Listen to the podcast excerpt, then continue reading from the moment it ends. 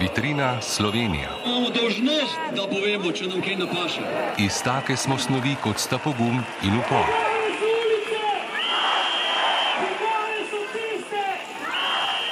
Trideset let Slovenije je tudi trideset let protestov. Res vas je lepo takole pogledati.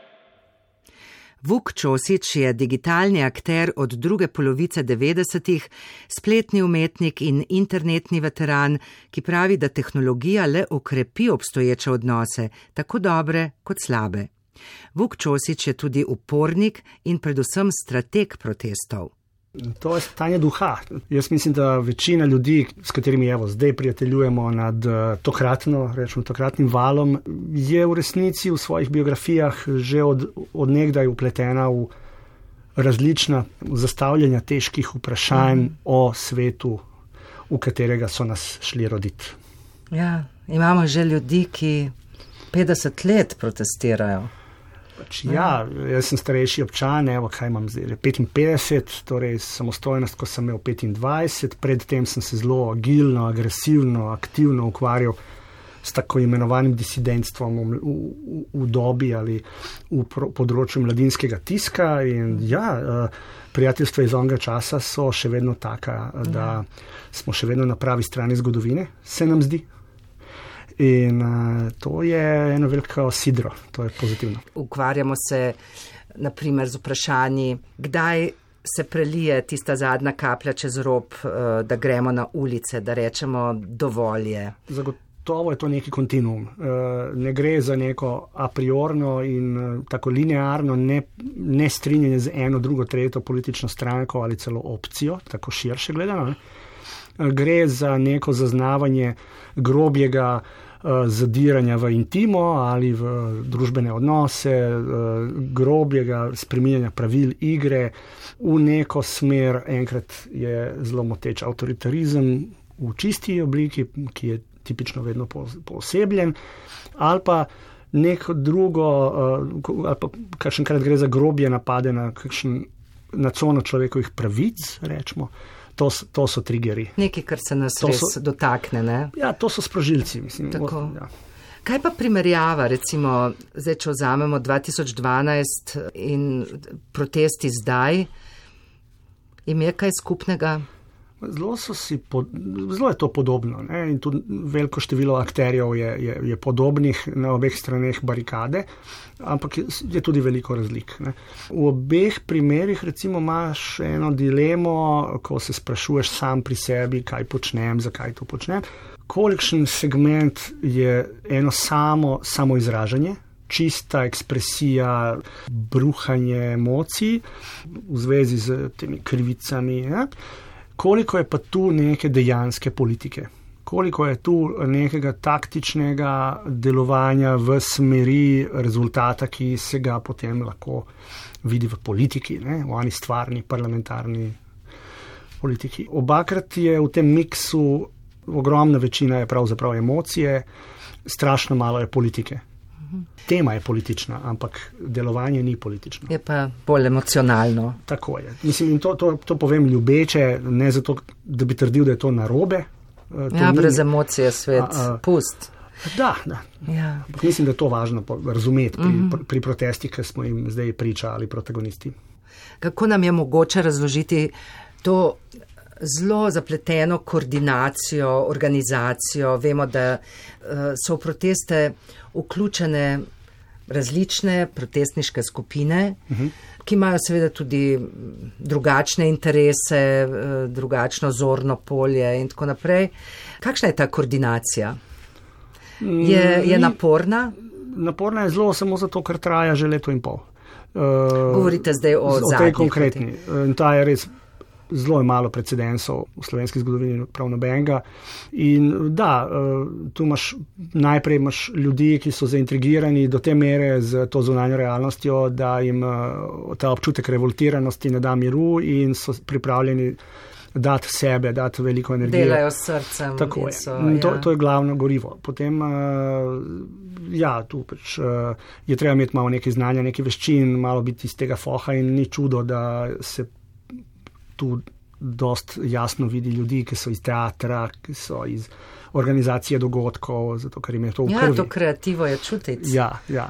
in, in, in to, to zdaj imamo. Ampak je res tudi, da imamo različne eh, neke male skupine, ki imajo en, eni imajo neke odprej doktrinarna polja delovanja in združevanja in ustrajajo pri tistih svojih ciljih.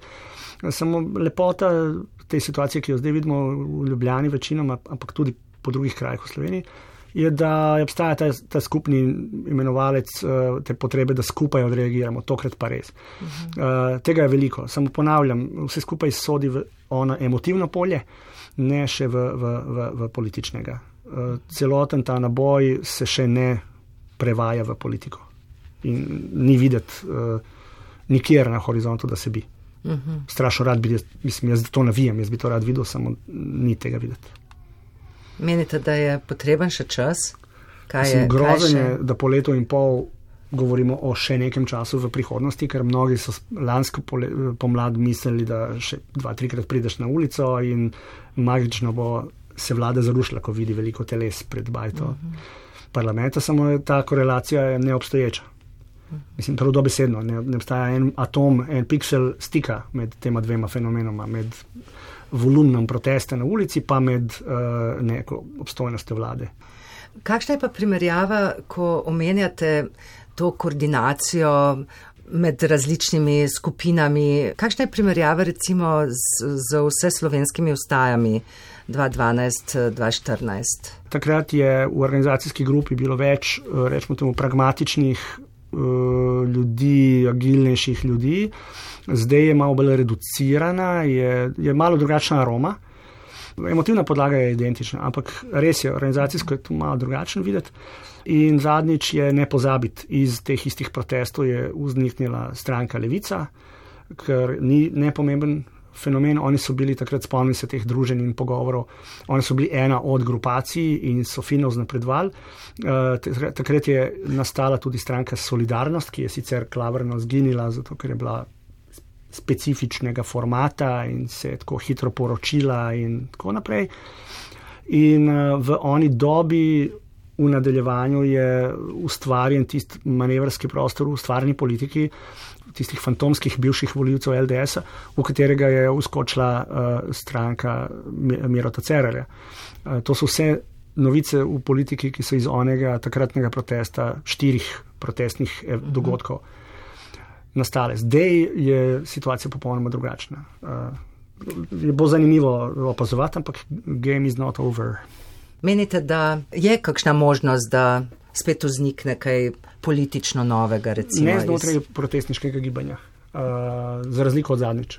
To, to tako povem, pa ni ne vem, uh -huh. kakšna politična, zdaj čudna skrivnost. Jaz mislim, da ne. Da ne. Uh, uh, lahko da analogno takratnem Cererjevem, uh, rečemo, skoku, uh, se zdaj kaj zgodi okrog Jožeta Damjana, tu ni nobenih skrivnosti, sem videl zadnjič na televiziji, sem prvič sam uh -huh. tudi zvedel, da, da, da se tu uh, še naprej dela Neka na neki dogaja. platformi, se je bil uh -huh. izraz fajn, ampak to s protesti nima nobene zveze so, samo sočasniki smo. Uh -huh.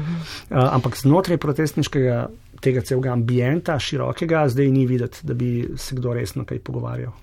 No, še nekaj opažamo spremljevalci dogajanj, da imajo organizatori. Se mi zdi, da vse več težav, ne?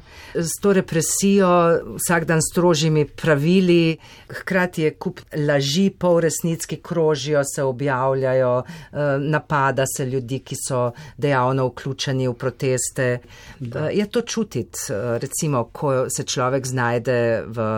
Nek, ja. V neki upravi uh, protesta. Ja, vsekakor. Namreč, ne vem, takrat v 80-ih, ko zdaj pomislimo na tiste geste svoje, si objavil kak članek v mladinskem tisku in si, ali si imel razstavo ali si naredil kakšen glasbeni komad, ki je omenil, samo omenil, vem, našega maršala in si že bil ultra hardcore disidentčina, težka, ono nevaren, si bil zoperen, si bil in ne vem kaj. Danes, ko pogledaš za nazaj vse te poteze, vse te zapise, uh, ob vsem respektu, valjda kontekstnem, ampak vse to je tako naivno, da ni normalno. In jaz se spomnim teh pritiskov in groženj iz onega časa in bežanja pred nekimi posledicami, ampak to ni bilo niti Ni- Nikjer primerljiv uh, ne z represijo na ulici, ne z pravno represijo skozi kanal uh, teh kazni uh, uh, in danes nam nič ne pomaga, da so za nazaj razglašene za neustavne. Plačali smo jih. Ne. Tu so še te karakter assassinationi skozi, skozi te lažne medije, skozi te pseudomedije, ki so zdaj vsi naenkrat zelo relevantni. Postali v očeh Ministrstva za kulturo sem z zanimanjem uh, zasledil zadnjič.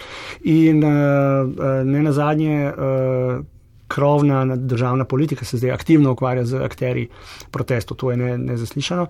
To so, to so vse razlike. In da, v teh okoliščinah zdaj delati. Uh, vem, kaj je naslednja faza, ta druga stran uh, zdaj ponuja ta vsakič bolj radikalen vokabular, v realnost tipično sledi tem vokabularju in to je grozen. To ni, ni šala, ni šala. Ampak, hej, eh, bomo, ko se to vse enkrat konča, bomo toliko bolj, eh, ko bi rekel, tisti, ki preživimo, bomo bolj živahni.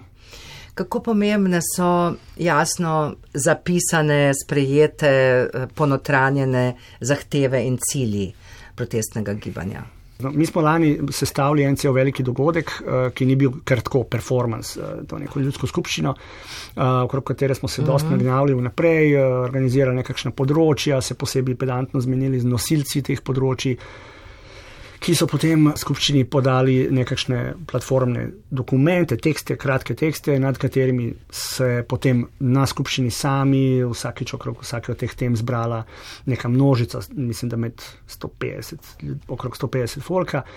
In uh, so debatirali, pol je ta nosilec področja te stvari zapisal, pol spet po uredniško nekako povzel in je, iz tega smo naredili eno knjigico in ta knjigica je mišljena kot, rečemo, neki seštevek zahtev. Ampak, če smo tako do konca iskreni, ta stvar v tem smislu ni zaživela. Nismo, recimo, uspeli narediti nobenih pravih dogovorov. To je zelo zamudno, ni glamurozno, nisi na televiziji, ko to počneš, pa je malo manj interesa, I guess. V glavnem, ni narejen noben dogovor z nobeno od zagovorniških organizacij, da bi prevzeli to štafeto, da bi recimo skupaj nastopali kot neka kombinacija tega zagovornika, ki je recimo ekspert za naprimer okolje ali medije ali kaj tretjega, pa kolesarske te ulične uh, fronte, ki bi dodala legitimnost, da bi potem skupaj ali samo te zagovorniki iz uh, teh zahtev naredili politiko. Ideja je obstajala, samo se to ni materializiralo. Zdaj smo sred nekih pogovorov, da bi se ponovno vrnili na tale tekst. Ampak žal ne, ne morem, ni, ni fair, ni resnice, ne smem pritrditi, da je ta platforma ne vem kako resno zabetonirana in ne vem, stetovirana v naše srca. In, na enem izmed omizij, na katerem ste sodelovali, ste poudarili, da je pomembno tudi, da protestniki jasno definirajo svojega nasprotnika, da to ni samo neko splošno nezadovoljstvo da je potem lažje ne, nekako priti do to je, to je ta, cilja. To, to je ta dogovor o skupnem imenovalcu, takrat, ko imaš več kot neko organsko, eno samo skupinico, kjer se po teh nekih naravnih pravilih počasi izdestilira. Rečemo temu ožja skupina, ki bo sugerirala naslednje geste. Ko pa imaš ti še na, na okrog po, po, po ambientu, ne vem, na oni strani anarhiste, na tej strani te human rights based, kako se reče, gibanja tipa, tipa LGBT. Pol, pol so to pogovori, ne bom rekel zdaj politična pogajanja, ker to se sliši blazno imenitno, ampak v vsakem primeru so to pogovori, ker z neko dozo empatije, poznavanja pozicije drugega in uh, gradiš skupno. In da, tu je potem ena od metod, tudi ta, da rečemo, ok, guys. Ne bomo zdaj mi, ne vem, se skupaj fajtali za tvojo vizijo ali mojo ali njegovo vizijo bodočega sveta brez političnih strank in, ali pa, ali pa kakšno drugo vizijo, ne? ampak uh, dajmo videti najprej, kdo nas vse skupaj moti, kaj nas vse skupaj moti. In to je logika. Ja. In, in zato je ta janšizem, ki ga razumemo dokaj široko, kot neko lokalno, modernizirano aromo starega fašizma iz 30-ih, postalo, postalo nekakšen skupni imenovalec ne? oziroma nasprotnik. No, če pogledamo proteste 2012 do 2014. Kaj lahko poveste o vojnih dobičkarjih, tako imenovanih? Ne, tudi da. z vsakega protesta se jih nekaj uh, se pojavi. Tu je dobro vedeti, da bomo nekaj časa trajali in biti potrpežljiv in samo malo pogledati kandidatske liste od strank, recimo, ali pa pogledati. Uh, druge, rečemo temu, reputacijske benefite, ki jih ljudje vlečejo iz, iz to vrstnega aktivizma. Ampak tudi to ni v celoti fair eh, ljudem pripisovati, da ker so leto ali dve kasneje končali na kandidatski listi, da jim je to bila D centralna motivacija takrat, ko so pa šli protestirati. Ne, ne obstaja dober odgovor na to vprašanje, to hočem reči. Samo signaliziram, ok, morda posredno skozi to optiko prideš do, nekega, do neke ideje, kdo se je okoristil, kdo ne. Ampak to velja za, za bende, to velja za, za vse, vse oblike združevanja, da, ja. da imaš akterje, ki iz srca doprinašajo, ne, ne dajo sebe v spredje, ne fajtajo se samo in izključno za lastne ideje in potem dvignejo roke, če se prav njihovih idej ne gre realizirati. To, to so neke bazične norme. Vokčuseč, kaj se zgodi, ko se protestniško gibanje oziroma organizatori protestov, njihovi lideri, um, ko trčijo ob uh, klasično politiko, ki je že zasidrana, ki je že skoraj na oblasti, ali pa ko se poslavlja od oblasti, ali pa bi se morala posloviti od oblasti. Na eni strani neka etablirana politika zvita, kot prestane, uh mhm. -huh. in na drugi strani protestniki. Mislim, ja, to imamo tudi zdaj. Uh, obstaja profesionalna politika, obstajajo ljudje, ki so posvetili svoje odraslo življenje. Ki to obvladajo, ne? Te panogi, tako je. Ja. In ti z takimi ljudmi, to je isto, kot če bi se zdaj šel pogovarjati o, o kirurgiji srca z enim, ki se s tem pač ukvarja, ti si pa drugač prevajalec, ali ja. pa si srčen. Mislim, obstaja, obstaja horizont, do katerega celo lahko pridete v tem pogovoru, ampak jasno je, kdo je tu šef sale. Mhm. No, tako je tudi pri teh uh, rečeh. Uh, mi imamo to situacijo, delno se vračam na prejšnje vprašanje. Uh, v eni od uh, inkarnacij ali oblik delovanja protestov smo uh, uporabljali uh, slogan brez strahu. Smo imeli dvakrat proteste pod tem sloganom. Dober slogan. Uh, mislim, da je ključen in ga bomo še potrebovali, ampak point je, da je ona druga stran je brez sramu. Ne. In to je novo. To, uh, če ste zasledili dolarje v intervjuju na RTV v svoj čas, od vsega dobrega, kar je bilo tam zaslišati, je meni osebno ostal kot najbolj svež element ta, ta observacija, da je zdaj desnica tista, ki podira norme, ki je nesramna in ki se suva status quo, levica se pa ne vidi v, v, v položaju tistega, ki zdaj brani neki status quo, zato tudi, ker je po nekem prepričanju retorika desnice v resnici ni uh, uh, reformna, je pa samo nesramna. Ne? In ko gledamo ameriško sceno, če se za sekundo umaknemo od tu, imamo to isto situacijo. Desnica ne pristaja enostavno na rezultate volitev, na mnoge elemente demokracije in to je zdaj naenkrat nenavadna situacija. In gledano globalno, da, levica v tem smislu, ne vem, če ima ta prav odgovor v tem momentu razen kje je srce, kje je resnica in tako naprej. Ker ste velik strokovnjak za to področje, vsi protesti zadnjih let se dogajajo tudi na medmrežju, na spletu.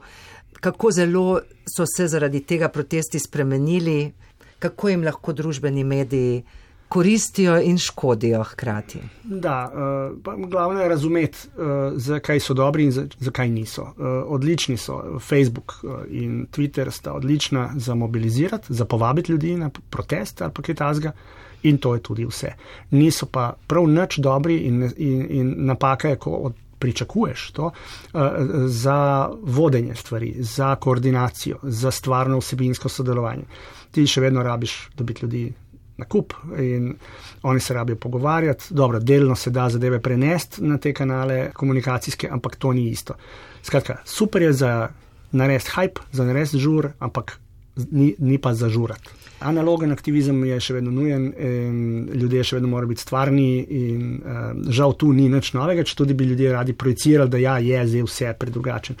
Vredno je morda zaznati, da je spet uh, desni del politike v globalnem in v lokalnem prostoru uh, bistveno bolj vešč uh, zlorabe in tu imamo cel ta troll sistem z lažnimi novicami, lažnimi profili in z agresivnostjo. In tu eh, iz, iz, iz te neke pozicije resnice ti eh, v resnici nimaš kaj iskati. In je strašno zanimivo. Vuk Čosič, najlepša hvala, ker ste našli čas za nas in srečno. Tu sem, da bi pomagal. Vitrina Slovenija na val 202.si in v podkastu Zgodbe. Zbiramo spomine in eksponate. Gost epizode Vuk Čosič, novinarka Tatjana Pirc. Vitrina Slovenija. Imamo dožnost, da povemo, če nam kaj napaše. Iz take smo snovi, kot sta pogum in upor.